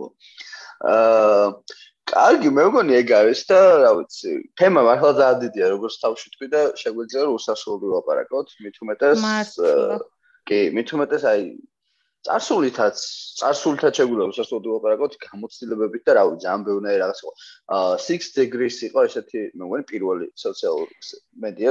ერთ-ერთი პირველი კი, ხო. 97 6 ხელის ჩამორთმევა. ხო. აი მაგაზეც თალკე შეგვიძლია ვისაუბროთ, მაგრამ მოდი ამით დავასრულოთ რომ სვენელსაც ძალიან არ დავღალოთ სვენელს ხო? არ დავღალოთ ხო თუ უკვე დაიღალეთ. შეუძლიათ შეისვენო ხოლმე ხა ეს ის ხო არის ვაივი ხო არა ნებართვას აძლევ მადლობა და ნებართვა გაქვთ რომ ხანდახან დააპაუზოთ ხო. დააპაუზოთ შეგე მე გააქცევთ ხოლმე შემდეგ.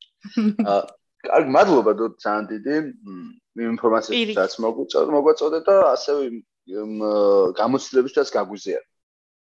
მადლობა. იმედია შენი მსმენელები, ანუ ჩემს შიგადაში ქუმრობებს ჩემს წინააღმდეგ არ გამოიყენებენ ყველა სასამართლო. არ მგონი. აა მადლობა და მადლობა მსმენელსაც რომ მოგვისმენა და მოგვისმენთ მოკლედ შემდეგ პოდკასტზე და ბევრ საინტერესო და კარგ რაღაცებს გაიგეთ ხოლმე კიდევ. მადლობა, კარგად.